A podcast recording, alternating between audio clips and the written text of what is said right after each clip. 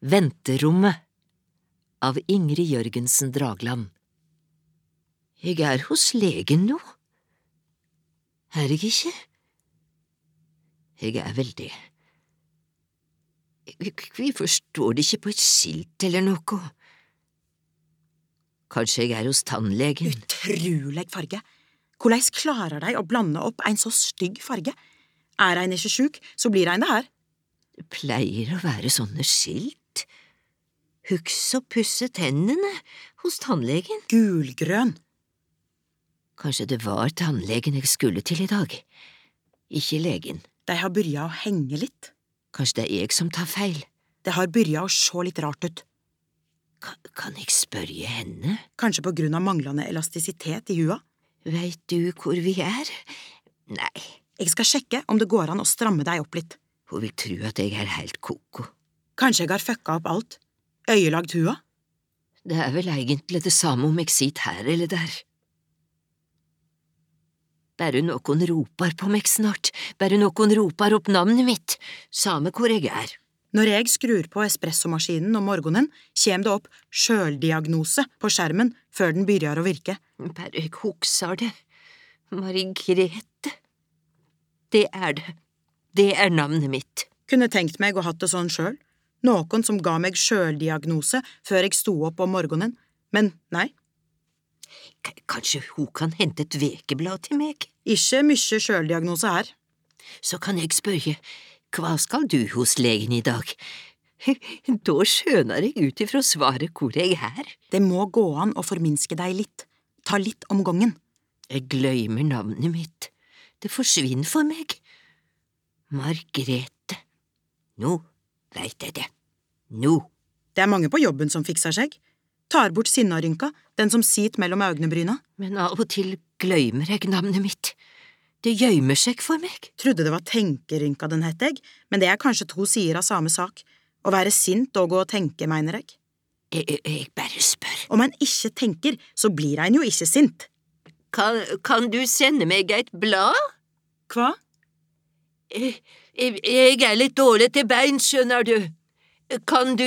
Å ja, her er KK, kvinner og klær. Å, tusen takk. Eller damer og drit, som mannen min pleier å si. Skal jeg spørre henne? Nei, jeg tør ikke. Får bare vente og se. Jeg så henne ikke før hun snakka til meg. Hun gikk i eit med rommet. Sånn er de gamle. Går i eit med tapetet.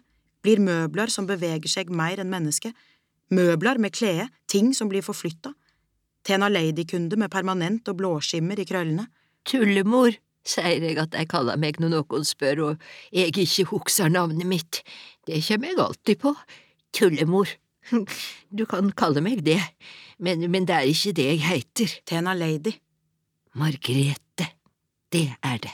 Det er navnet mitt. De har blitt mine nå. Alle Tena Lady-kundene. Ingen andre som vil ha deg lenger.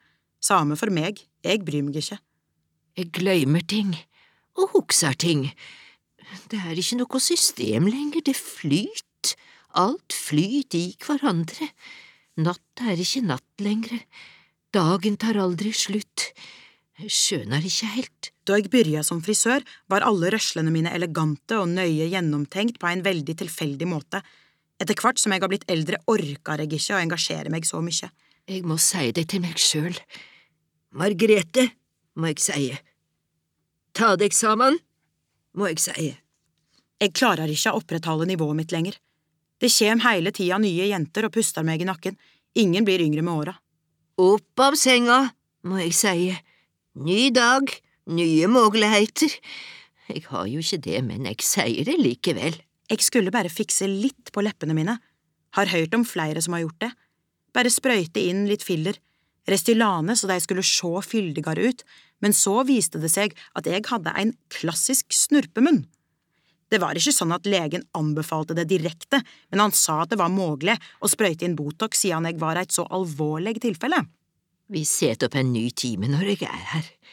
Legen skriver i boka mi, så ser heimehjelpa i boka, og sier i dag skal du til legen.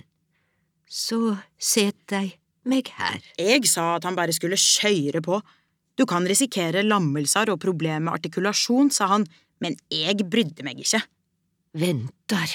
Botox blei vurdert brukt som biologisk våpen av amerikanerne under andre verdenskrig, så giftig er det. Men alle legemidler er jo giftige om ein bruker mykje av dei. Ventar, Jeg har bare mikroskopiske mengder her. ventar. Ei vandrende biologisk bombe.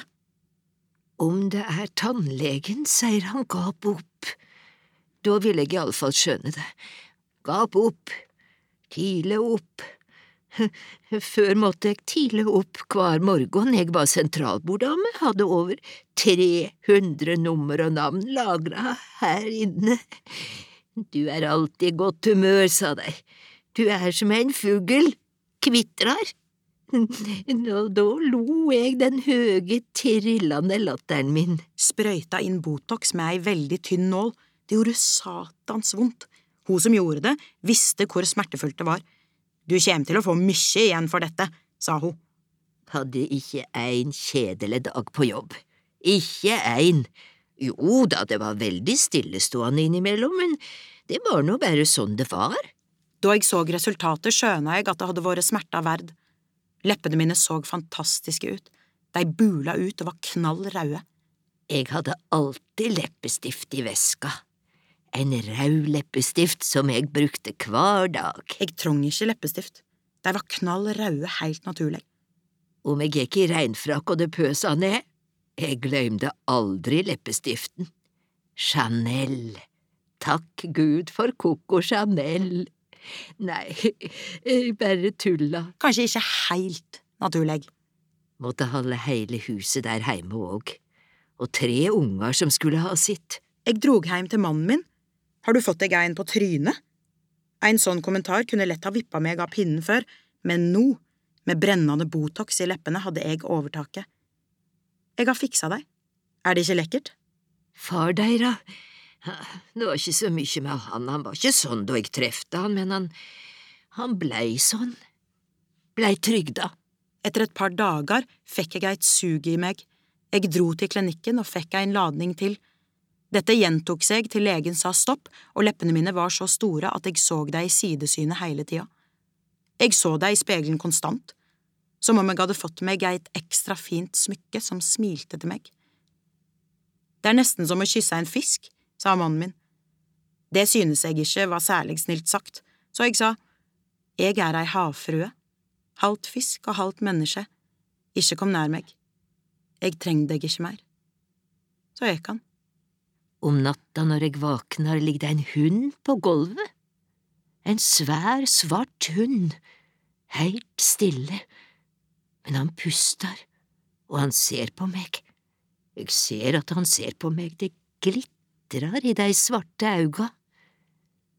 Jeg veit ikke om han kjem for å passe på meg, eller for å hente meg. Jeg har aldri hatt en sånn hund. Han ligger ved sida av senga mi og ser på meg.